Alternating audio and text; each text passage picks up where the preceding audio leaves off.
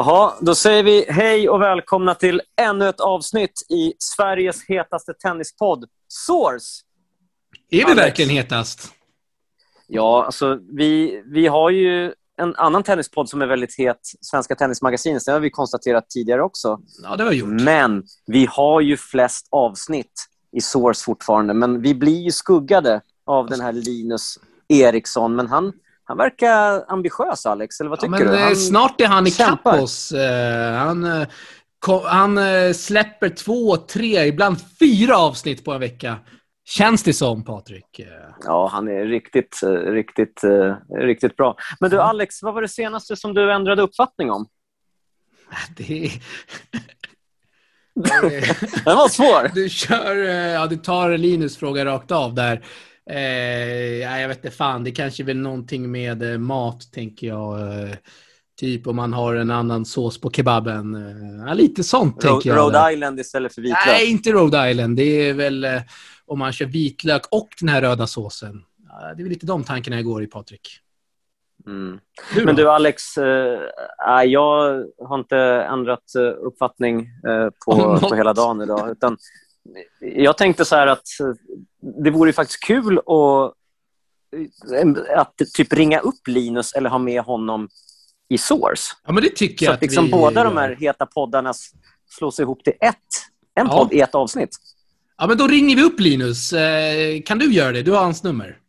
Ja, jag, jag har faktiskt eh, googlat fram det. Vänta nu. Nu, nu. nu får du klippa in en sån här ringsignal, Alex. Ja, det kommer att, jag eh, göra. För, att, för det hörs ju inte nu när jag ringer Linus. Nu ska Nej. vi se. Okej, jag, ringer, jag klipper in en ringsignal nu. Boom!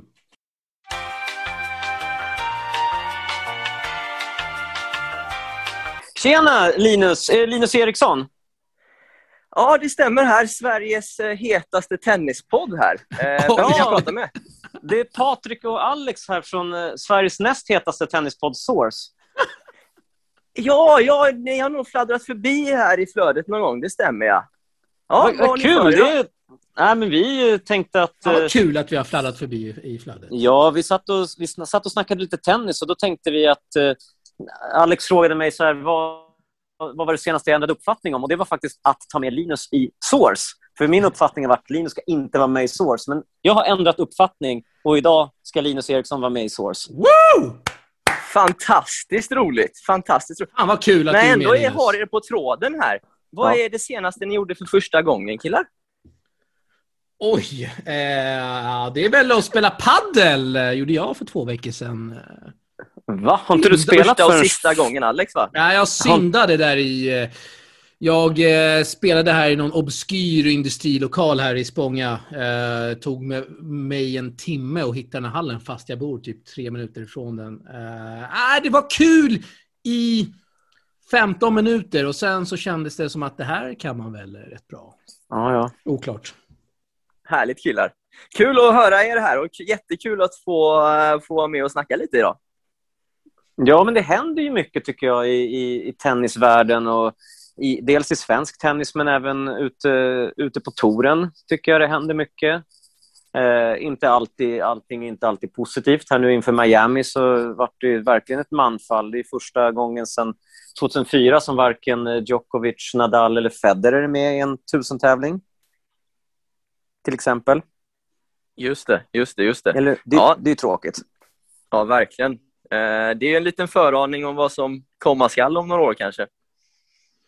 Ja, nej, men absolut. Det, det får vi nästan börja diskontera in här, att inte, att inte ha med de här gubbarna att göra och vara redo för, för nästa, nästa generation. Ja, men samtidigt kan jag känna att det är otroligt intressanta unga spelare vi har framför oss. Vi har ju sett Lorenzo Musetti här, Patrik göra framsteg och Linus för den delen. Eh, vilken spelare. Så jag tror ändå att framtiden ändå är hyfsat ljus.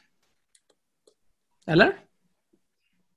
Eh, ja, eh, jag tycker ändå att han, eh, precis i Acapulco gjorde han ju jättehärliga resultat och framförallt så, så gillar jag ju hans, eh, det som de här känslorna som han visar på plan. Han har i princip lagt sig ner efter, efter varje seger och det verkar vara riktigt bra go i honom. Ja, så, jag vet inte fan om jag kan tycka att det är så pass nice att han lägger sig ner efter i varje omgång. Okej, göra det en gång. kanske om du når en final eller sådär, men gör det i första, andra, tredje. Jag vet inte fan. Linus kanske jo, får men han, in här. han slog ju bra spelare ju. Ja, och det, det är inte men... så att han kommer göra det sen när han, är, när han har vant sig vid de här segrarna, utan är nu i början. När, det när kändes liksom... lite fake, Patrik. Så vill jag säga. Ja, men jag måste säga att, ändå, att matchbollarna var ju så spektakulära i många av de här matcherna så att det var liksom en så 20 gånger över nät som han vann en boll och då blir det automatiskt så att man lägger sig ner för att man är så liksom, trött. och trött. Ja. ja, typ. du, innan Linus so äh, somnar här av vår diskussion så, så måste vi dra in han i snacket, Patrik. Han har ju varit ute och grindat på touren senaste veckorna. Ja, jag har ju sett lite grann. Du har varit i, i Ryssland, du har varit i, i Tunisien. Det får du berätta lite om.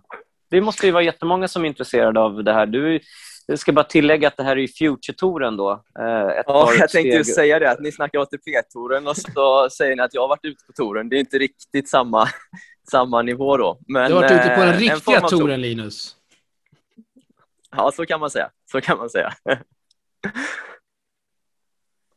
Berätta. Ja, vad, men, men vad, vad tar ja. du med dig? Därför det, det, det, jag undrar över lite grann är, är ju dels det här med hur...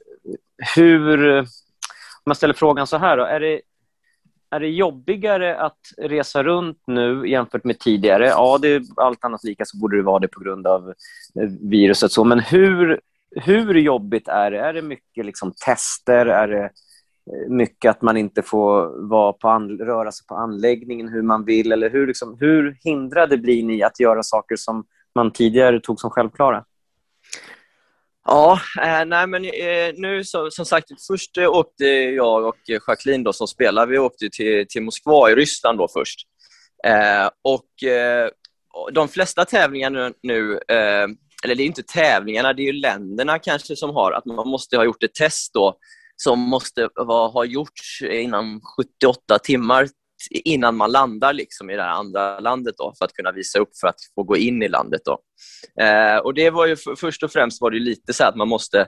Det tar ju ofta ett dygn eller två att få provsvaren i Sverige eh, från att man har gjort testet. Då. Och Sen måste man liksom tajma det med flyget tills man landar och så vidare. Så det var ju lite faktiskt mäckigt när man skulle boka flyg och man var tvungen att ha gjort testet och fått svaret och så vidare. Då.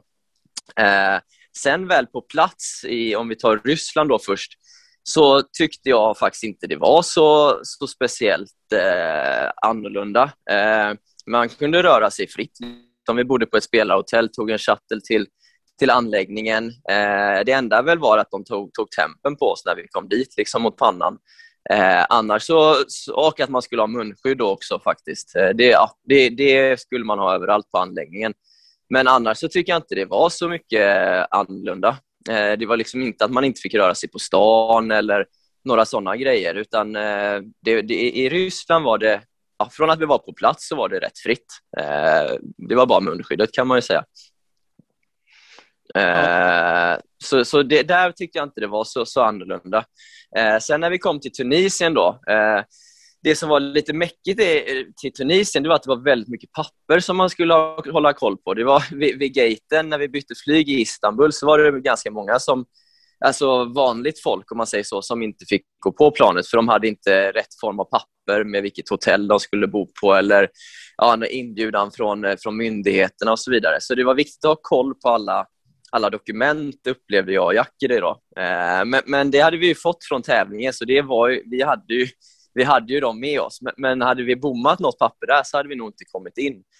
Eh, och Sen när vi kom fram där i Tunisien så ja, då åkte vi med, med den beställda eh, transfern från tävlingen och så skulle vi in på resorten. Då.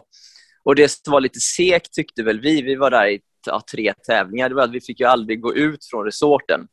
Eh, och Visst, det finns inte jättemycket att göra ändå, men det var ändå lite segt att bara vara på, på det här hotellet hela, hela tiden normalt sett kanske man liksom drar ut någon kväll och käkar någon annanstans eller ja, hittar på någonting. Så eh, det, det, tyckte jag var, var, lite, lite segt faktiskt. Eh, men väl inne på hotellet, så här, det, var, det var samma där. Man, man, vi hade munskydd i matsalen och så vidare, men det var inte liksom någon inte några superrestriktioner liksom så sett, eh, utan man fick sitta hur många man ville vid bordet och man, man, eh, skulle, man uppmanades att ha munskydd på sig. Då, liksom så här. Men det var inte några ah, inte några speciella andra grejer så. Eh, upplevde inte jag det i alla fall.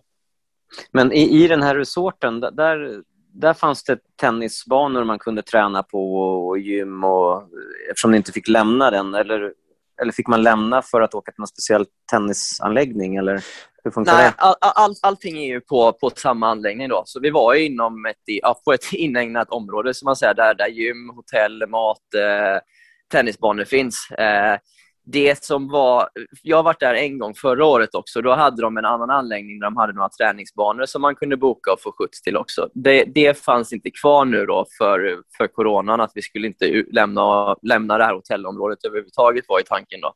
Och Det var lite synd, för att det var ju otroligt svårt att få träningsbanor. Eh, totalt var det ju, hade de ju åtta banor. Och då var det liksom, det var herrar, det var damer, det var fulla, fulla kval, det var förkval till ja, pre-qualifying, så det var otroligt mycket spelare där som spelade många veckor i rad, så inga åkte ju direkt hem, utan det var ju fullt varje dag. Så det var också lite svårt. Det var väldigt svårt att få träning eh, den här resan, upplevde vi det. Ja, för det är 64 spelare bara i själva huvudlottningen. Ja. Ja, det, ja, precis. Och så är det ju kval och så var det förkval. Och, och, och liksom det, sen framförallt på... Ja, när det, ibland kommer det till några spelare som ska spela veckan efter, så då är det extra spelare på plats några dagar. Och så åker ju några hem såklart också. Men det var mycket folk där. Eh, det var det.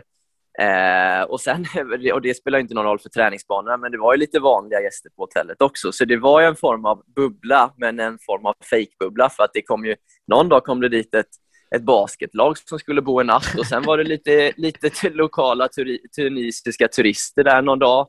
Eh, och Det tyckte vi var lite konstigt kanske i och med att det, vi trodde det skulle vara en tennisbubbla. Så här. Men det, det var det inte riktigt, även om inte vi men då, fick men, då. men du, hur, hur vet man att man höll smittan borta då från själva resortet om det kom in folk hela tiden och ni fick inte gå ut? därifrån? Nej, det var, ju, det var ju det vi inte riktigt förstod till slut. För vi, Första dagarna så var upplevde vi att det bara var tennisfolk och sen såg vi att det var en massa andra där också då på, när det kom, äh, första helgen vi var där kom. Då. Eh, så det, det kan de ju inte ha varit säkra på. Eh, till tennisbanorna så, så var det ju i perioder en form av så här covid officer som tog tog tempen på oss. Men, men hon var ju bara där fram till lunch. Sen slutade nog hennes arbetstid. Då. Så efter lunch fanns det nog ingen corona, tänkte de. För då gick hon hem. och, och vi, vi, märkte ju efter två dagar att när hon tog den här tempen mot pannan så kollade de ju aldrig vad det var för temperatur. Så hon, vi kunde ju gå där med hur mycket feber som helst, men hon hade aldrig sett det för att hon kollade aldrig vad vi hade. Eh, och Jag tror att man man ska komma ihåg att jag, om jag har förstått det rätt, om det blir ett coronafall från startfältet så måste tävlingen liksom ställas in. Eh, har jag Oj. förstått av reglerna rätt. Så jag antar att det skulle vara det värsta som kunde hända arrangören, att någon hade. Så de vill väl inte upptäcka det, antar jag. Nej, det kändes eh, som att de ville mörka ett fall där, andra ord. Ja, jag tror det skulle nog nästan, ja, det skulle nog otroligt mycket till för att de ska vi liksom ta tag i om de märker någon som eh, mår dåligt. För det vill de ju inte ska hända såklart. Eh, så, så ja, det, det, var ganska, ganska, vad ska man säga, inte sådär jättenoggrant i Tunisien får, vi, får man ändå säga. Då var det nog lite bättre i Ryssland, men, men det var inte jättekrångligt där heller. Liksom. Utan det, det är ganska, ganska normalt så skulle jag säga, som det varit innan. Men eh, nu har vi sett att det har ställts in tävlingar i Sverige. Va? Alla, samtliga Future-tävlingar i Sverige har ju ställts in, fyra stycken i maj. Eh, förbundet har skrivit att det är 29 punkter och 11 explicita dokument som eh, man måste följa. Utifrån ja. vad du har sett, känns det som man ändå skulle kunna ro detta i hamn från ett svenskt tennisförbund? Eller? Ja, alltså, jag, liksom alla andra så såg vi ju det här att de ställdes in. Eh, det jag ska lägga till är väl att den här 25 000 dollars tävlingen i Ystad som väl ligger i juni har väl inte ställts in än, om jag har förstått det rätt. Eh, men, men de här som ligger i maj i alla fall, då, eh, som, som du nämnde där, har ju ställts in. Ja. Och ja, det är ju väldigt synd för det första att de gjorde det. Och jag, så som jag tänker, jag vet, ni får säga vad ni tänker, så, så tror jag att att arrangera en tävling utifrån vad jag såg i Tunisien och så nu, det är inte så mycket krångligare än vad det har varit innan.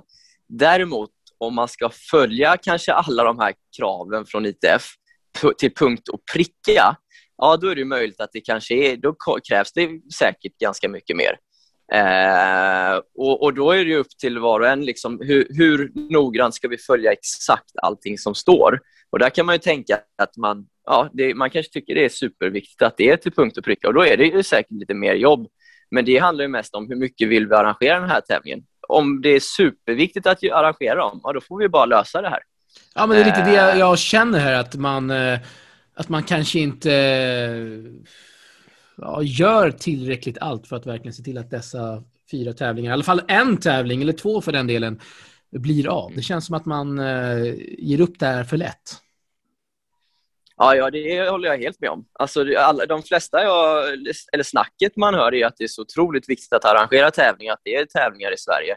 Ja. Och Det är så många andra länder som ändå lyckas genomföra Många kanske är lite, lite tuffare liksom med, med tester och allting på plats och vissa lite mer eh, luddigt, då, som i Tunisien till exempel. Men är det viktigt att ha tävlingar, då får man ju bara se till att fixa det här.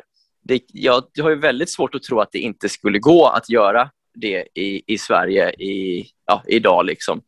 Eh, det, jag tycker ju verkligen att man nog gav upp det här för tidigt. Det är min känsla. V vad säger du Patrik till exempel? Jag tycker ju så här att, eh, att jag menar, klarar man att ha de här tävlingarna i Egypten, Tunisien, eh, man kan skylla på att det är resorts där, men då är det massa, massa andra länder där det inte är resorts. Ja, typ Moskva, Moskva var ju ingen resort till exempel. Nej, precis. Moskva är ju allt också. annat. Exakt, mm. det är allt annat än resorts eh, där, speciellt i, i, i februari-mars. Snarare minusgrader där. Men det jag blir irriterad över är att jag tycker att man använder corona som, en, som, ett, som ett skäl till att slippa ja. behöva göra någonting för att man kanske, som ni sa, man kanske behöver lägga ner lite grann extra och då är det någon som kanske får jobba lite extra och det kanske man inte riktigt vill eller pallar. Man Nej. tar det hellre lite lugnt och passar på att säga så här, men det, det är corona så vi, vi skiter i det här och, och, eh, och försöker lösa det här på något annat sätt och, och ställer in. Så jag tror att man har märkt mycket, jag tycker framförallt många i Sverige, eh, just att, eh, att nej, vi vill inte göra det här. Det är, det är på grund av corona. Då, då ställer vi in. Fast det har visat sig att jag menar, elitserien eller allsvenskan, eller det har varit vintertorer också, att, att det har ju inte varit liksom problemet varit i själva att man inte får arrangera Nej, herregud nej. det här. Utan arrangera får man verkligen göra för att det här vänder sig ju till, till professionella tennisspelare och då är det okej. Okay. Utan då är det just det här, tror jag, Linus, som du var inne på med, med ITF och deras punkter. Och, mm. eh, och ja, man kan göra det här, men man kanske måste vara, göra det lite annorlunda än man hade gjort i vanliga fall och kanske vara lite mer noggrann och, och det, det kanske krävs någon person extra eller så. Men, mm. men allting mm. är ju liksom, vilka ambitioner har man och vad vill man göra? Det är, Utan, lite den, ja. det är den känslan man får, att man ger upp det här för lätt och man kanske inte vill jobba, som du är inne på Patrik. Och nu ska... Nu har förbundet gett ett förslag att spelare kan resa till Turkiet, men det är en helt annan grej. Visst, det är en bra, det är en bra tanke att man ska täcka en, hel, en del av deras kostnader, men hur många svenskar kommer att gå in i kvalet direkt i Turkiet vecka 18 till 20? Det kanske inte är så jättemånga. Nej, men man förfogar väl inte över några wildcards till exempel? Nej, det gör man inte. Garanterat inte. Kan, kan Nej, det känns säga. som att det kommer bli en del eh, svenskmöten i förkvalen i så fall. Det handlar om. Ja. ja men jag tänker som, som i ditt fall, eh, Linus, bara för att eh, klargöra här också vem, vem du är coach till. Det, eftersom vi inte mm. har, vi har, du har nämnt Jacqueline och, och Jackie och allting. Det är alltså Jacqueline Kabayavad. Hon är rankad runt 500-600 i världen, va? Mm, exakt. Exakt, ja, närmare 600 och, just nu. Precis, och ska i vanliga fall eh, komma in i de här Future-tävlingarna men det har blivit tuffare nu såklart för att de är, att de är färre. Hon är ju en sån som definitivt eh, hade gynnats av att ha eh, tävlingar på hemmaplan såklart. Eh, och blir ju faktiskt en av de här de då nämner kan ha möjligheten att istället plocka ett stöd att åka ner till Turkiet.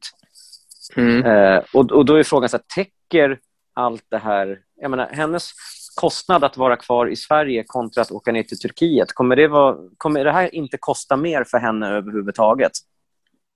Det kommer det garanterat äh, göra. Eller? Ja, det, eh, ja, eh, jag vet faktiskt inte vilket stöd de kommer ge till spelarna. Det tror inte jag har framgått riktigt. Om det är stödet eh, alltså, i form av en ledare på plats som är betald eller om de kommer få liksom, eh, pengar för att täcka flygbiljetter eller hotell och så vidare. Det, det har inte vi fått någon information om i alla fall. Jag vet inte om någon annan har fått det heller, men troligtvis inte, gissar då i alla fall. Så det är svårt att veta få... vad det kommer att täcka.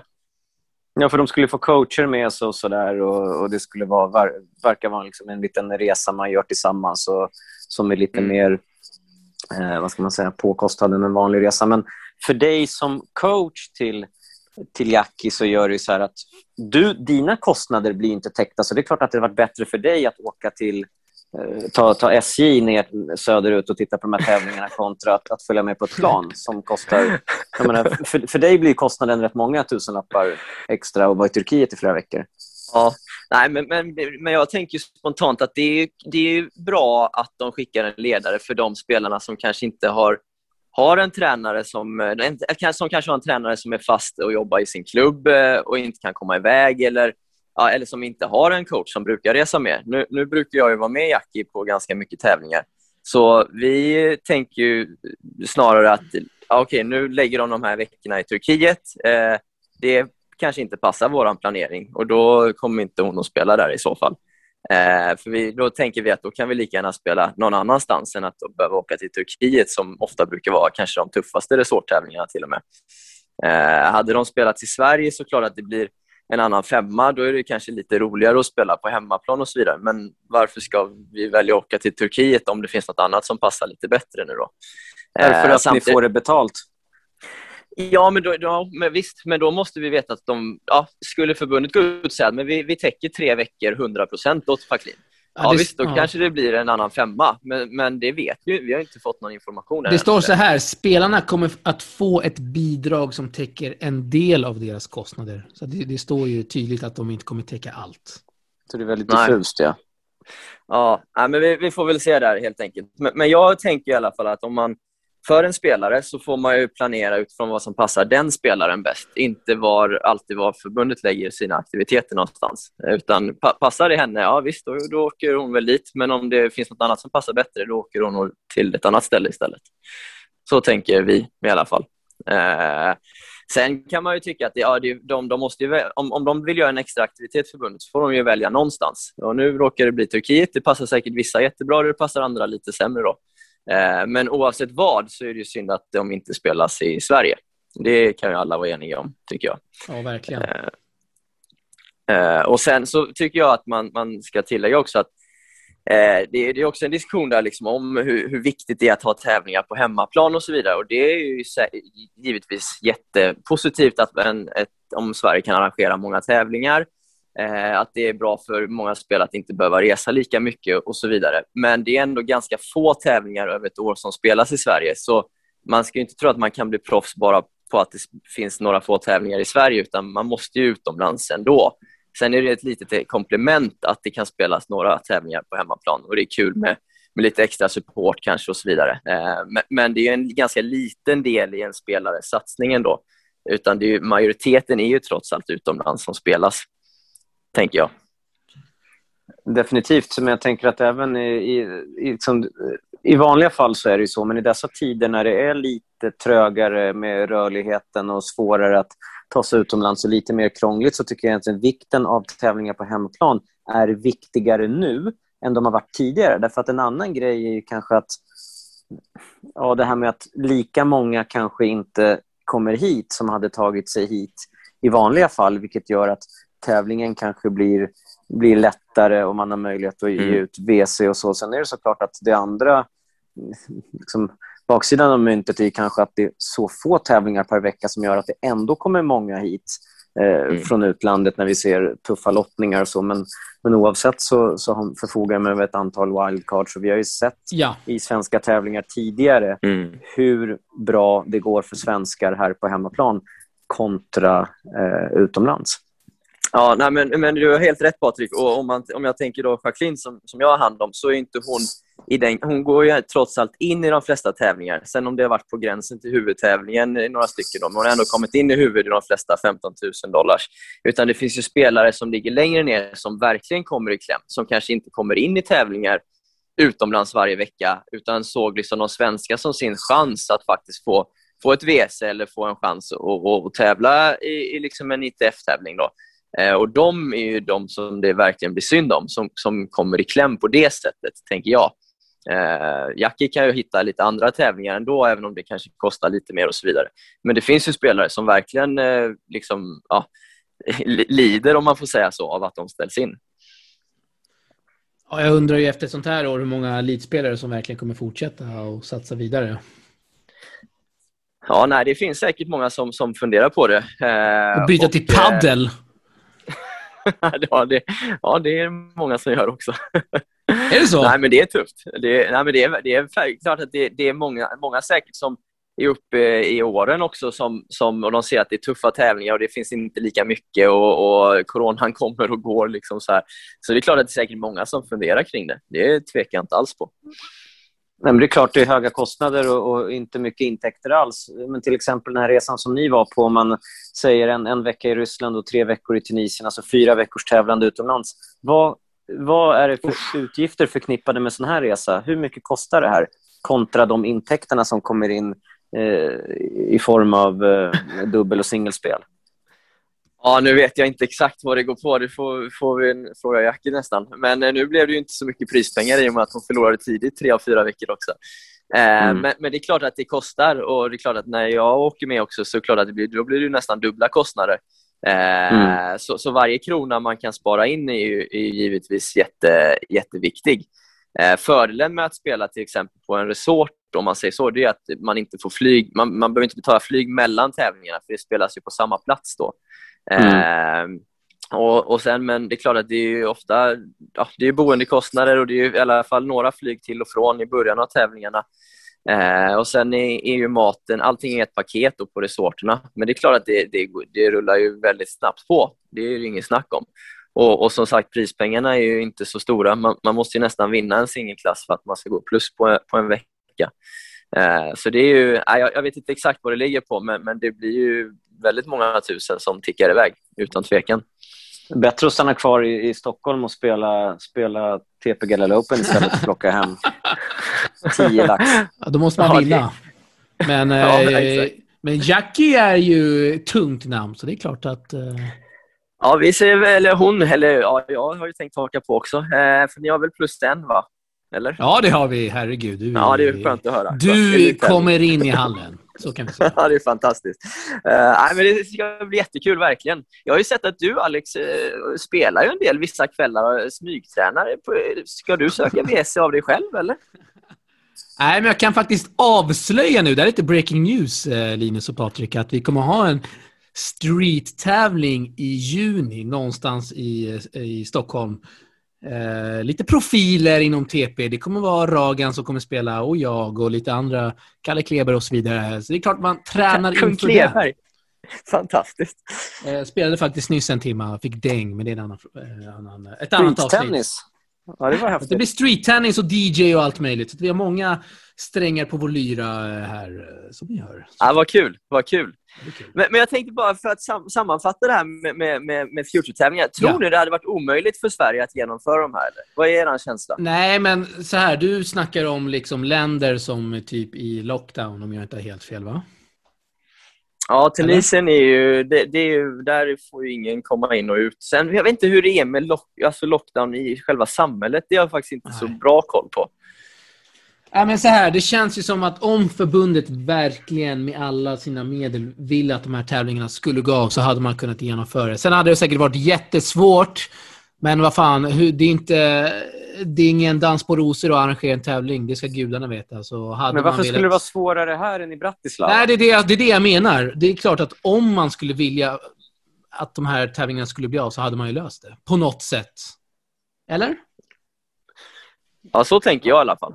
Ja, så tänker jag med. Och vi som är liksom, älskar tennis och så, fans i, i sporten, det är ja. klart att, att vi att, att vi tycker att, eh, att vi önskar att de, de som jobbar med det här också skulle vara det. Men Verkligen. Man är lite kanske. nyfiken på de här punkterna, hur liksom svåra de är att genomföra de här krav, kravgrejerna som du fick svar på där Alex. eh, Ja, det står så här anläggning, hotellkrav, test, testning, sjukvårdsresurser, deltagarhantering. Eh, Men vänta, hur, hur löser man det här på andra håll då, i och med att det skulle vara så svårt att lösa det i Sverige? Du, du, som har, du har ju fått ett mejl tillbaks, svar från Svenska Tennisförbundet på, på var, varför de har gjort det här. Och var det liksom var det raka svar eller var det såna här svävande standardsvar som Nej, men det var, säger känslan någonting? var att det var lite svävande standardsvar slash politikersvar. Där man istället för att gå rakt på sak så binder man in det i en massa andra ord och kanske inte svarar direkt på frågan.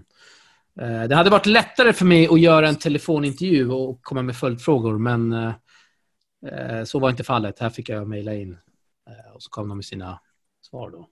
Det finns att läsa Mm. på tennisportalen.se.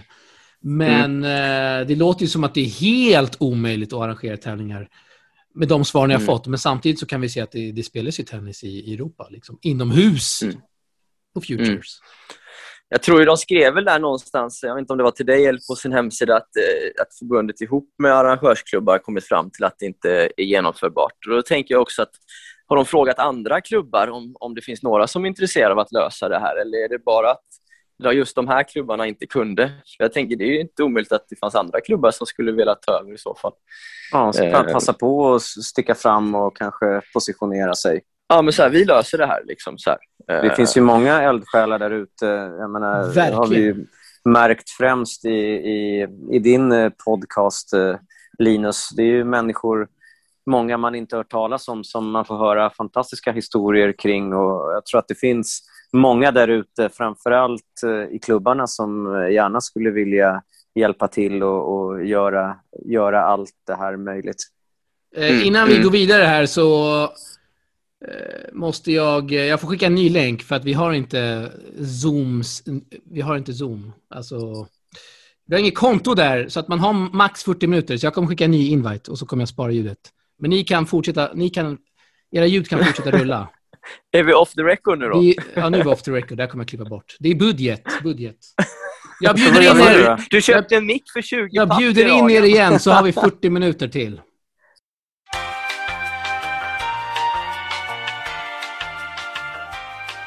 Hallå? Perfekt. Då är vi tillbaka efter lite eh, en Zoom-bugg. Kan vi säga så, Patrik? Eller? Ja, ja, för fan. Sälj aktien nu. Det här Zoom alltså, det är övervärderat. Vi har inget konto där, eh, Patrik. Det är budgetfråga, helt enkelt. Ni lägger allt på micken istället. Ja, Patriks krispiga mick. Bra ljud, Patrik. Ja, Jävligt fantastiskt. Vil- vilket ljud. Ja. jag måste bara, innan vi fortsätter Ragan, har du tränat idag eller? Idag har jag kört en timme tennis och en timme paddel. Det här kommer med i podden, så ni vet. Ja, Har du kört paddel? Va? Nej! Ja, idag, idag har jag kört både och. Du, jag kommer Jag kicka ut en- dig från mötet nu. Ja, det här är ju en tennis, det är ingen paddelpodd. Tennispodd. Man! Ni, ni, ni, ni, liksom, ni utger er för att inte vara paddelförespråkare, men båda ni paddlar alltså? Ja, det är Nej, grejen, grejen är så här. Jag kan till mitt försvar här då säga att jag tar aldrig egna initiativ i paddel utan jag är den här man ringer när folk har sina grupper de spelar i. När någon är frånvarande i de här grupperna, då, då har jag sagt att ja, men då kan man ringa mig. Om man saknar en fjärde gubbe, helt enkelt. Ja, Du- när man saknar du den fjärde gubben. Den vill, Du den, börjar, den du börjar okej aldrig slå på någon. Du börjar aldrig slå på någon, men om någon redan ligger, då sparkar du gärna med. Ja, Oj. typ så. Det var, ja precis. Shots fired. Shots fired. Eh, Nej, men lite så. Medan tennis tar jag, tar jag faktiskt egna initiativ till. Och, och söndagmorgnar, då kan man ju faktiskt... eh, En av dina gäster i en tidigare podd, eh, Linus, brukar kunna Adja. vara med på de här. Exakt, hon kan vara med på de här söndagmorgnarna ibland. Vad, vad håller de för nivå? Jag tycker hon håller eh, bra nivå. Eh, definitivt... Eh, ja, vad ska man säga? Ja, det är, hon undrar hur det ska gå för henne i ett TP, TP Gardella Open. Ja. Pratar vi om Nadja Roma nu? ja. Ja, precis. Nadia Miró, före detta Roma. Bytt namn, ja. Så var det. Mm. Men hon skulle kunna vinna matcher i, i gruppspelet i TP då, i alla fall. Nej, jag tror faktiskt inte hon skulle Är det så? Hon skulle inte det? Okej, Jag, okej. tror, jag tror att det är för tufft alltså, mot de här ungdomarna. Som Så hon var ju bra lite. förut alltså. Fast det är klart, Ja, har men sen har hon spelat inte, på många hon år. inte lirat. Tio år har hon inte spelat på. Ja, det är sant. Det är sant. Det är sant. Så jag tror att kanske fysiken och allt det där. Ja, ja, Ja, det är br- ja. bra att vi har släppt padden här i podden i alla fall. Det är bra. ja, exakt, exakt. Du, vart var Jag vi här jag- innan våran, eh, vårt Zoom-möte tog slut? Ja, vi Eh. snackade lite grann kring det här med att genomföra, om det verkligen hade varit svårt. och Vi pratade lite eldsjälar och att det är Ja, faktiskt det gjorde vi, många det. inom, inom eh, svensk tennis som, som brinner för det här. Just det. Ja, ska vi gå vidare på det spåret eller ska vi lämna det helt? Eh, Har vi fått något Ja. sagt? ja, men jag tycker det. Så Linus, vad rekommenderar du? Eh, Vad som helst. du då? Nej, du, du får liksom... Vad, reko- Inom vad rekommenderar du för mat, eh, Linus, på en fredagkväll? Fan, nu satte du mig på pottkanten alltså. Är det kebab? Fan, du, har ställt, du har ställt den frågan till minst 60 pers. och är det kebab du rekommenderar? Det är så kul. Det är kul. Jag, jag blir lika ställd själv nu när jag får dem. Ja, är det är svår... Men, Vad fan eh, ska ja. man rekommendera? En kebab Ja, från äh. Jönköping med extra Ja, sås. men fa- faktum är att när, när jag hörde det först att Jönköping har bäst kebab så skrattade jag åt det. Men när jag käkat det här två, Ja, tre det- gånger, det är fan bäst Ja, kebab. ja, alltså. eller hur Patrik? Vi Ja, åt ju var där faktiskt- efter den. TP Open, va? Var det inte Ja, vi, jo, när vi åkte upp.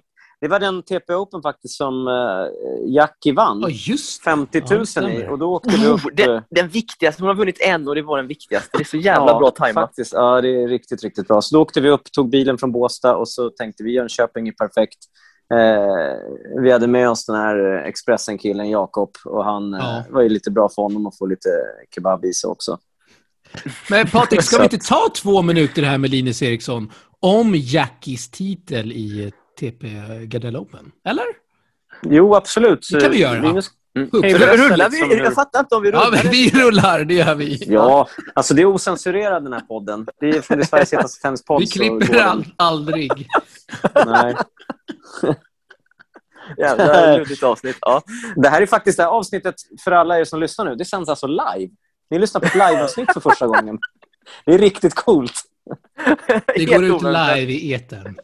Ja, men vi kör två, tre minuter med Linus Eriksson här. Hans erfarenheter från TP Gardell Open i Båstad. Eh, kan han jämföra lite ris och ros med andra tävlingar kanske? Eh, nej, men det var ju otroligt eh, kul eh, i somras. Eh, för, för vår egen del, eh, med våra menar min och Jacks då, så började det väldigt tufft med en torsk i första gruppspelsmatchen mot Bella Larsson Bergqvist där. Eh, så vi var, ju ja, vi var ju verkligen nere för räkning. Eh, vi hade ju... Vi, kan ju, liksom- vi kan ju konstatera, nämna också att, att Bella är under 15 här. Så att ni Ja. för, förlorade mot ett barn. Ja, men, all, all respekt eh, för Bella. Hon gjorde en Ja, jättebra match. hon är- men det var inte duktig. riktigt det vi hade räknat med i början, får man ju lugnt säga. Eh, och Det var ju också en, en ny erfarenhet för, för mig och för Jackie att liksom coacha på banan. Eh, föll inte riktigt så väl ut där. Eh, så vi, vi valde ju att eh, planera om inför nästa gruppspelsmatch. Där. Att jag, jag klev ju upp på läktaren istället och så fick Jackie sköta det själv. Och det, det lyckades hon ju väldigt bra med. Eh, Så hon vann ju sina två eh, nästa matcher där och tog sig vidare från första dagen. Eh, och Det var ju riktigt kul efter den tuffa starten får man ju säga. Eh, men det var ju bra väder, bra stämning. Det kändes som att alla var väldigt taggade på att lira. Eh, kul att vara i Båstad. Kul Verkligen. med banorna där nere. Eh, så det, he, hela, hela eventet kändes som en väldigt bra atmosfär på, tyckte vi. Eh, första dagen där. Eh, så jäkligt kul ändå alltså. Kände ni också det när ni satt och Kul att du säger det. Ja, ja, verkligen. Man njöt där nere, Patrik. Eller hur? Ja, det var helt fantastisk stämning och, och riktigt kul. Man märkte att Båstad-publiken saknade att det inte hade varit någon ATP-tävling, så det här kom helt rätt i tiden. Och eh, framför allt så hade vi ju väldigt, väldigt bra väder också. Det var också lite oro för om, hur, hur skulle det bli om det var dåligt väder, men det var liksom, allting var perfekt. Och Mm. för Jackie så var det faktiskt vädret som gjorde att hon vann titeln. Därför att hon Var det? höll faktiskt på att förlora finalen i avgörande set. Och så började Mm. det blåsa plötsligt. Och då lite, hanterade och hon ja. vinden bättre. Ja, men det Ja, regnade väl ja. lite va? Och Kalle Kleberg ville väl... eh, Ja, det, det är det ja. roligaste från hela tävlingen, när Kalle Kleberg ville bryta finalen. Där, Kalle det började Kleberg. lite. det var otroligt, eh, otroligt kul där faktiskt, när man såg att han började vifta med armarna. Eh, Men jag vill bara tillägga också där, första dagens spel, att det blev liksom en liten extra morot när det började spridas ett rykte där att prispengarna hade liksom raketskjutit upp eh, i värde Ja, det, under det, var helt spelet. sjukt. Eh, och då gick ju alla från att vilja vinna till att verkligen vilja liksom eh, vinna. Eh, så det var väldigt tändning som bara ja, som ökades på där helt plötsligt också. Jag vet inte om vi har nämnt det här i podden, Patrik, när Gardell, Christer Gardell då kommer fram och bara ja, men tycker att det är en cool grej och vad är det här för ett spännande tävling? Och så sitter du och jag i kommentatorsbåset och vi, vi förklarar lite vad det är för typ av tävling och så går han och, in och säger ja, men jag kastar in en hundra lax här till vinnarna. Ja, fantastiskt. Precis, och då, och då sa vi till, men 100, alltså 100 till... För, för då, då trodde han ju bara att det var en, en eh, herr eller en damtävling. Ja, ja, då sa vi att men det är både herrar och damer. Ja, men 50 var sa han då. Så att det var, var det precis som, som Linus säger, att det här började ju spridas då Ja, under, ja. under dagen. Och det var, det var riktigt, eh, riktigt häftigt faktiskt. ja, kul. Hur firade ni titeln? Jag vet inte om vi har eh, ställt den här frågan till er två. Ja, Linus. nej, men jag, det, det kan ju säga så här. eh, Det kan jag lägga till nu när, när vi var iväg igen här, på tal om det här med att fira. Så, så Jackie gjorde en ganska bra tävling i Moskva första veckan vi var iväg nu på den senaste resan. Eh, och Sen gick det lite sämre nästa tre veckorna. Och Då sa jag, tänkte jag det sen, och jag sa det henne också, att man, man borde fira ännu mer när det faktiskt går bra. För det är så få veckor på ett år man verkligen så här, men man vinner en titel eller det, det sker något liksom extraordinärt om man säger så. Eh, Så jag tror att det är viktigt att ta tillvara på tillfällena när man, när det, man verkligen får en framgång. Eh, och, och som, som till exempel där i Båstad så var det otroligt kul, både tävlingen i sig, men så är det klart att det är extra kul att vinna också. Eh, men eh, nej, firande. Vi, vi satte oss i bilen på, på väg tillbaka till Stockholm. Stannade och käkade vid någon vägkrog. Drog Så en det var kebab inte så eller? mycket mer firande. Jag drog en, en pizza tror jag blev den här Oj. gången. Oj. Eh, men, men jag tror ju mycket på att man, man måste ta in när det går bra, för att det ångrar man i efterhand annars. Och Det kan nog många bli bättre på, inklusive jag själv. Visa ord där. Men du Linus, hur har du eh, utvecklat ditt eh, ledarskap eh, under de här åren tillsammans med tanke på... det- jag tänker på är ju framförallt alla de gäster som du har haft i din podd och som har inspirerat dig genom att hur, hur de jobbar så har du säkert snappat upp en del att ah, det, här var, det här var bra och det här var dåligt och, och så. Mm. Eh, eller? Ja, nej, men du, du har helt rätt. Där. Det finns ju mycket kunskap där ute. Eh, och det, är- det är ju som, som alla, man vill ju alltid ha konkreta saker. Eh, och jag, jag vet inte om jag kan säga några konkreta grejer som jag, jag verkligen har blivit bättre på. Det jag kan säga att jag väl nog har förändrat på slutet, det är att jag pratar väldigt mycket mindre på banan när jag, när jag coachar. Utan jag tror att när man väl säger något, så framförallt när man jobbar dagligen med en spelare som jag gör med Jackie, så tror jag att om man pratar för mycket så, så går mycket in och ut direkt hos spelaren. Så jag har blivit mycket mer selektiv med vad jag, vad jag säger, tycker jag själv i alla fall. Nu får, får väl hon rätta mig om hon tycker annorlunda. Eh, men det är någonting jag har förändrat, att jag pratar väldigt mycket mindre och försöker värdera mer vad jag, vad jag säger och när jag säger det.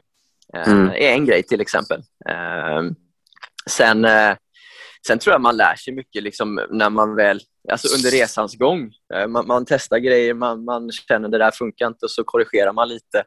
Eh, och så vidare. Det, det som jag funderar absolut mest på just nu det är, det är ju det här med hur mycket man ska, och det har jag ju frågat mycket i podden också, hur mycket man ska träna långa slagdueller, stå länge och slå, jobba säkerhet kontra hur mycket man ska träna de här serve, retur, första slag och så vidare.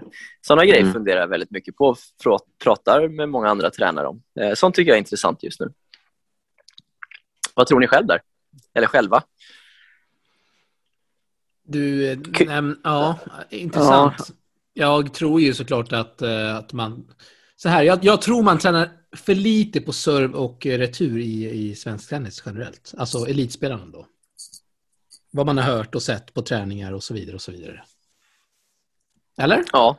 Vad, vad säger det, du Patrik? Det, det, tror jag också. Vad tror Nej, Patrik? jag, Eh, jag tror att, eh, att eh, framförallt så har ju ni en mycket bättre input där i hur, hur det sköts. Jag menar, Alex, du är en hel del på Salk och du har rest med Elias och sett lite grann hur han, hur han lägger upp det. Och Linus, du är definitivt involverad. Jag är inte så mycket och, och kollar, så jag har egentligen ingen Säg Ingen input i, i, den frågan. Men ja, nu nu går det runt frågan. Nu kommer det ett sånt där luddigt svar här. Ja, nu, det här var förbundet som gick in i Patriks hjärna. Nej, nog eh, finns det mer att jobba på med tanke på de resultat som, eh, som visas upp. Ja, men så här, jag, Nej, snackade med jag, jag vet faktiskt inte. Jag snackade med en spelare rankad 600 i världen och då ställde jag frågan hur mycket serve och retur tränar du verkligen på träningar? Nej, det var fel. Jag frågade så här, hur mycket returträning kör du? Och då sa han ingenting. Då var det så wow. Det är Karl Friberg det här alltså. Vad hade han gjort? Nej, det, det, finns bara en spelare som är rankad 600 i världen. Det är Karl Friberg. Så det är han du har pratat med. Nej, det är inte han kan jag säga. jag lovar att det är inte han. Då tog jag fel på rankingen, men det är inte Karl Friberg. Okej. Okay. Nej, jag ja, nej, men jag tror ju att man, ska, man behöver nog träna ganska mycket serverretur och första slag. Sen är frågan hur mycket man ska göra det. Uh, men, men uh, det, där är någonting jag har märkt också att damspelare tränar otroligt mycket mer returer än vad herrspelare gör. Uh, och Det kanske är att, i och med att damerna inte får, får lika mycket utdelning på sin egen serv och så blir returen ännu viktigare. Men jag är fascinerad över hur lite returer herrar tränar ändå, av det jag har sett. Det finns säkert undantagsfall. Eh, men det är stor skillnad upplever jag i alla fall. Och Det är faktiskt rätt sjukt med tanke på att eh, typ den bästa spelaren i världen, Novak Djokovic, har väl returspelet som sitt, sitt främsta vapen. Ja, det får man nog ändå säga. Absolut. Mm. Mm. Definitivt. Ja, vi får ja, höra i nästa RQT Open här, eller i TP Gardera Open där på RQT nu i 9-10 april kan vi höra lite grann hur, hur spelarna tänker kring det här. Så, ja, så får vi reda intressant. på lite mer. Då kanske Linus Eriksson är där också. Eller hur? Ja, det är planen ja, ja. i alla fall. Det är planen. Han kommer ju spela in lite poddavsnitt därifrån, tror jag. Ja, jag har bokat upp hela startfältet. Så vi, du, kan ju, du kan ju synka med ditt spelschema med mig där, Alex, bara. Det löser, det löser vi. Jag fixar ett rum till er. Ja, det är perfekt. Det är magiskt. Ja, det blir kul. Det blir kul. Ja, Linus, vad väntar här framöver för dig och eh, Jackie kommande veckor? Eh, nej, men nu blir det, nu blir det nog eh, träning eh, lite grann här nu då. Eh, tanken är att, att spela TP Open där då. Eh, och sen är, är det inte... Det, ja, det, det, är tråkigt att inte kunna ge ett konkret svar, men, men vi vet inte riktigt. Eh, det, det, hon föredrar att spela på hardcourt före grus, eh, men tanken är nog att spela några grustävlingar. Eh, men vi får se lite vad, vad, hur startfälten ser ut och var man kommer in någonstans. Eh, innan, tidigare år har vi försökt ändå ha en plan, kanske någon, någon månad eller två fram i tiden. Men, men, vi har lite gett upp det nu med, i och med den här pandemin. Då, utan vi, vi tar det lite vecka för vecka faktiskt beroende på hur, hur de här startlistorna ser ut. Då. Eh, och var man kommer in och vilka tävlingar som läggs ut i, i, liksom i slut, ja, lite i sista sekunden. Så, här. Eh, så, så, vi vet faktiskt inte riktigt hur det kommer att vara. Och Det är det ärliga svaret. Så nu är ni hemma så i tre veckor här inför uh, TP Gardella Open, eller? Det är tanken just nu, ja. Precis. Exakt. Och Vad tränar ni då någonstans? Är det på Då tränar vi Eh, vi kommer träna lite på Salk med, med Tennis Stockholm. Vi kommer träna lite i Smedslätten eh, också, där vi har vår våran bas just nu. Då.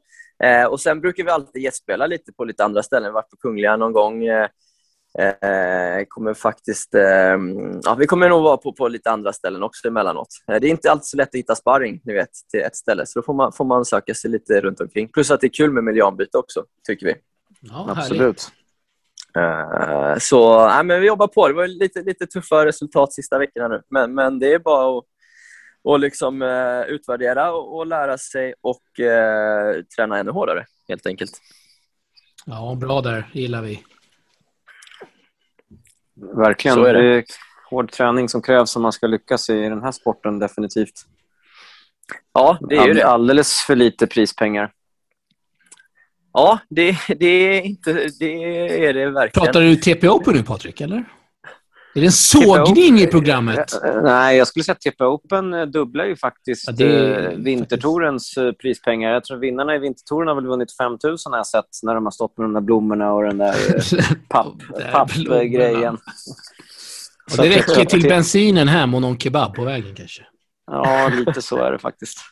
Men det är en vintertortävling kvar här nu nere i Malmö och sen, eh, sen är det väl paus på... Sen vet inte jag när nästa, nästa tävling är. Ja, det är väl sommartouren som drar igång snart. Eh, har ni fått något datum där, Linus? Uh, inget datum där än. Nej, det har vi inte, inte fått. Mm. Uh, så det blir intressant att se hur det där kommer att, att se ut uh, i sommar också verkligen. De men, sa de inte att de skulle lägga till lite på någon tourtävling eh, eller i samband med att de ställde in de här tävlingarna?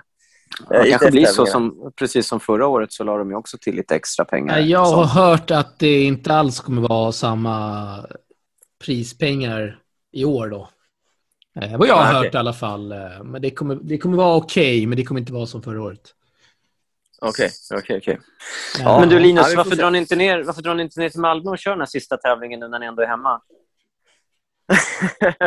Nej, men jag, det, jag, eh, vi försökte, eller vi, hon skulle, spelade ju en vintertour där i december i Linus kommer inte, in, in, eh, kommer inte in i hallen, det är därför. De körde plus noll, eh, så mm. man blev nekad i dörren där. Och yeah. att ha en elittävling där inte spelarna får ta med sig en person in, jag tycker inte att det är en elittävling. Eh, sen är det ju jättebra att det arrangeras tävlingar ändå, men jag tycker det är helt fel att kalla det elit. Alltså att inte en elitspelare får med sin tränare eller någon form av, ja, vad det nu kan vara för person som hjälper den. Det tycker jag är väldigt okunnigt att kalla det elittävling då. Det, då har man inte förstått grejen tycker jag. Det, tänk om eh, någon skulle, det skulle vara en allsvensk fotbollsmatch och så får inte trä, laget ha sin tränare på bänken. Det skulle aldrig ske. Det är ju ingen elitidrott då. Herregud. Nej, det är lite oklart faktiskt. Nej, jag, ja, jag håller med dig helt. Jag blir, det jag blir irriterad över är ju, är ju att, att man försöker på något sätt samla några pluspoäng i tron om att man är handlingskraftig. Men det har ingenting med något virus att göra. Det är det som blir så jävla irriterande. Därför att det står ju, det står ju fyra lirare och svettas i en glasbur bara 100 meter bort och spelar paddel. Men en mm. tränare kan inte stå på en läktare där man står helt själv. Om det nu är en tränare för varje spelare så står man ju på vardera sida. Man behöver inte stå mm nära varandra om det inte behövs. Så det, det blir liksom rätt tramsigt egentligen eh, när man rör sig. Man åker buss ihop eller man åker i Stockholm kanske man åker tunnelbana eller vad det nu är. Det är inte så att det går att isolera bort folk från varandra. Nej. Därför blir det liksom en aning, eh, kan jag tycka, oproffsigt också. Jag, jag är också starkt emot sån här tramsighet just. Ja, ja. Nej, men jag håller helt med. Och, och sen kan jag har hört arrangörer säga att spelarna ska vara tacksamma att vi ändå arrangerar tävlingen. Och absolut, det är jag helt med på. Men jag, det tar emot att de kallar det elittävling, för det är inte vad det är tycker jag, när man inte kan få med sig en person till exempel. Då. Det, det tycker jag. Så här att spelarna ska vara tacksamma mot att det arrangeras tävlingar. Vad är det för, vad är det för snack? Vadå tacksamma? Det är väl det man ska göra i ett sånt här läge, eller? Ja, det skulle ja, vara tävlingar i en sån här tid, tänker jag. Under det, kontrollerade det, det, former. Det är ju som Patrik sa där också med de här ITF-tävlingarna, att det, det är perfekt läge om man hade kunnat arrangera tävlingar när troligtvis inte så lika många Nej, bra precis. hade kommit. För vissa länder får inte resa och det är krångligare och allting. Det hade liksom varit läge att dubblera tävlingarna snarare. Ja, jag äh, håller med. Så här, vi, har, vi har roastat padden nu i några år, men padden ska ha en tumme upp för att de levererar tävlingar på löpande mm. band. Mm. Det är varje vecka, varje helg är det tävlingar för deras elitspelare, elitspelare ser man här på olika, olika medier. Så att, eh, att tennisen säger att att någon stolle där säger att spelarna ska vara tacksamma för att det arrangeras tävlingar. Äh, det är fan skandal, Patrik och Linus. Ja, ja det, det, det, är riktigt tråkigt. Och jag menar, vi, eh, just det här som vi var inne på tidigare, att det finns så många som Linus, du nämnde att man, man kanske hade kunnat ställa frågan till flera klubbar och det är många som säkert hade velat ta över stafettpinnen och säga att Nej, men vi, det här vill vi arrangera. Fan vad coolt att arrangera en Future. Vi har sett, jag och Alex, eh, på de här tävlingarna eh, TP Gardella Open-tävlingarna, vilket otroligt engagemang som är från folk runt omkring Ja. att göra det här till ett bra event, senast i RQT-hallen. Det var Mm. så många människor i den organisationen kring Ja, RQT verkligen. som la ner allt de hade för att vara med och göra det här till ett liksom, oförglömligt event. Så det finns så mycket folk där ute som, som, som skulle göra mycket för att, eh, Verkligen. för att faktiskt ha tävlingar. Så det är synd att det där Det här engagemanget släcks eh, uppifrån när man säger så här, nej, vi kommer inte arrangera någon tävling. Mm. Nej, riktigt Ja, det, är, sy- det, är, faktiskt. det är synd faktiskt. Det är synd faktiskt. På, på tal om, om padden där, bara en grej till. Jag fick ett intressant eh, mess av en person som hade lyssnat på, på min podd några avsnitt så här, och som skrev bland annat att det är intressant hur, hur många det är som ändå uttrycker att det är banbrist i, i, i Sverige och i Stockholm, att det, det behövs fler tennisbanor. Men ändå så, så de senaste åren så har det knappt byggts en enda ny bana. Eh, Medan padden har liksom slängt upp 400 banor de senaste åren, eh, tror jag han skrev. Eh, tyckte Mm. jag var ganska intressant. Är det, är det så mycket enklare att få till att bygga paddelbanor eh, än tennisbanor? Eller vad, vad beror det på? Att vi, vi klagar på att det finns för få banor, men det är padden som bygger och inte vi. Just den frågan tror jag att det eh, handlar om eh, ekonomi enbart. En paddelhall kan med typ 10-12 banor kan dra in, eh, jag vet att jag har gjort lite räkning på det här, kan dra in en 3-4 miljoner per månad om man tar eh, 400-500 per timme och så har du 10-12 banor. Eh, Men att man får tillbaka pengarna man lägger ut eh, Ja, snabbare. precis. Då, liksom. Men det sagt så, så är det klart att det finns inget som säger emot att man ska bygga liksom, tennishallar. Jag känner väl att padden har sprungit ifrån oss när det gäller sponsorer. De är ju helt överlägsna tennisen just nu.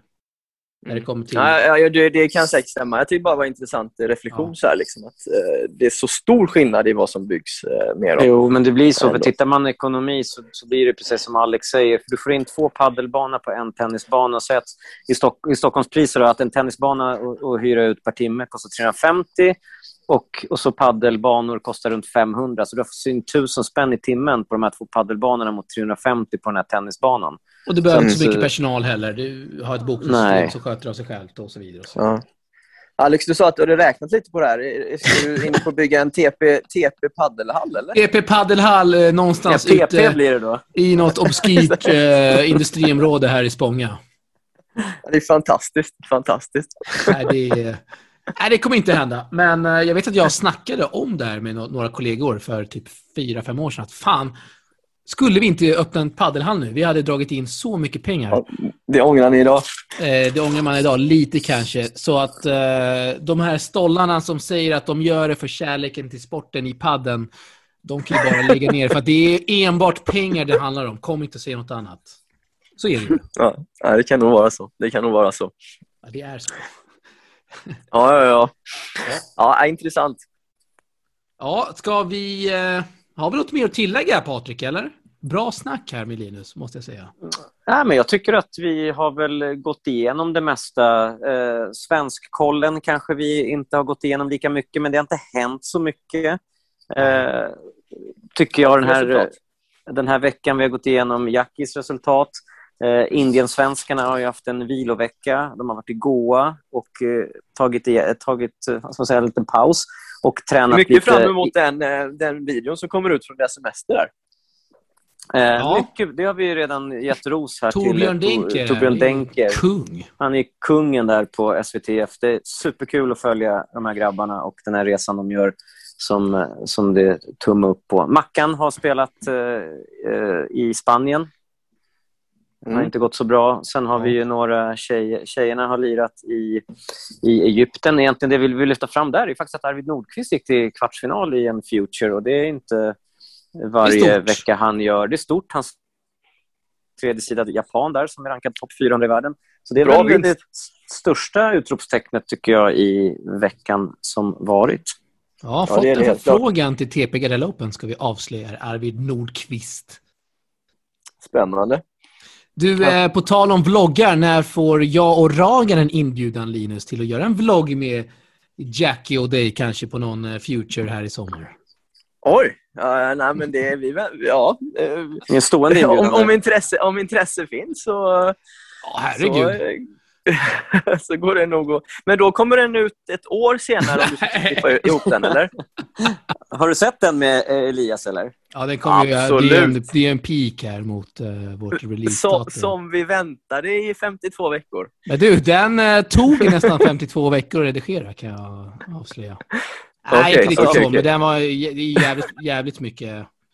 Ja, Men du, nej, Alex, bara för att liksom ge dig lite cred här. Av de här 45 minuterna som du fick ihop då efter 52 veckor, hur många minuter var det från början som du alltså jag hade över till 10 45 minuter? timmars material som jag fick klippa ihop. Oj. Oj. Det- Ja, det är bra jobbat. Det, här. Vi, det är ändå Ja, skitbra jobbat, Alex. Det är ändå uppskattat att du skickar ut sånt. Jag vet Ja. många som har sett den och tycker det var, det var intressant. Ja, tack. Den Så har vet vi det, 10 Linus. lax visningar, så att eh, Jackie kanske kommer upp i dubbla, Patrik. Eller? Och Linus? Ja, vi får hitta Ja. en, en, kul resa så, så ska vi nog styra upp det. Ja, det är bra. Om, Mm. om, vi, om vi är intressanta nog. Är det några tävlingar på Ibiza i sommar så kör vi, tycker jag. Det, det får vi hitta. Det får vi hitta. Det klämmer vi in i kalendern. Nu när inte Lund blev av så kör vi Ibiza istället. Ja, ja. Jag köper ett TP Gardell Open där på Ibiza. Ja. Som, som, i Turkiet, fast vi kör Ibiza där vi då betalar spelarna att komma dit. Det vore något. Ja, det blir det. player Party blir det också. Ja, ja. Precis. Otroligt. Players Choice Otroligt. Official där BD Badou kommer med färgglada kläder så har vi lite fest. Ja, det är Det är magiskt. Det är gammalt. Ja, magiskt. det, det är magiskt. Eh, Linus, du ska få välja en låt här som vi klipper in. Som en avslutning Eh. av detta avsnitt. Ja, men det, det är ju, eh, det får blir ju din, tid, din tid kommer med Håkan Hellström. Oj. Världens bästa låt. Ja, det är första gången tror jag Håkan Hellström har eh, spelats i en Source-podd. Första gången. Ja, och nämnts för den delen också. Åh, Som sista tror jag herregud. också. Vi är ju många som ser fram emot hans konserter på Ullevi. Första och sista. Nej. Ja, det är en fin låt eh, som vi klipper in här. Och så säger vi tack till eh, Linus Eriksson eh, och tack till eh, alla våra fans, Patrik, som lyssnar på denna podd. Tack för att Det är verkligen det. Tack till alla fans. Utan er så hade det inte varit någon podd.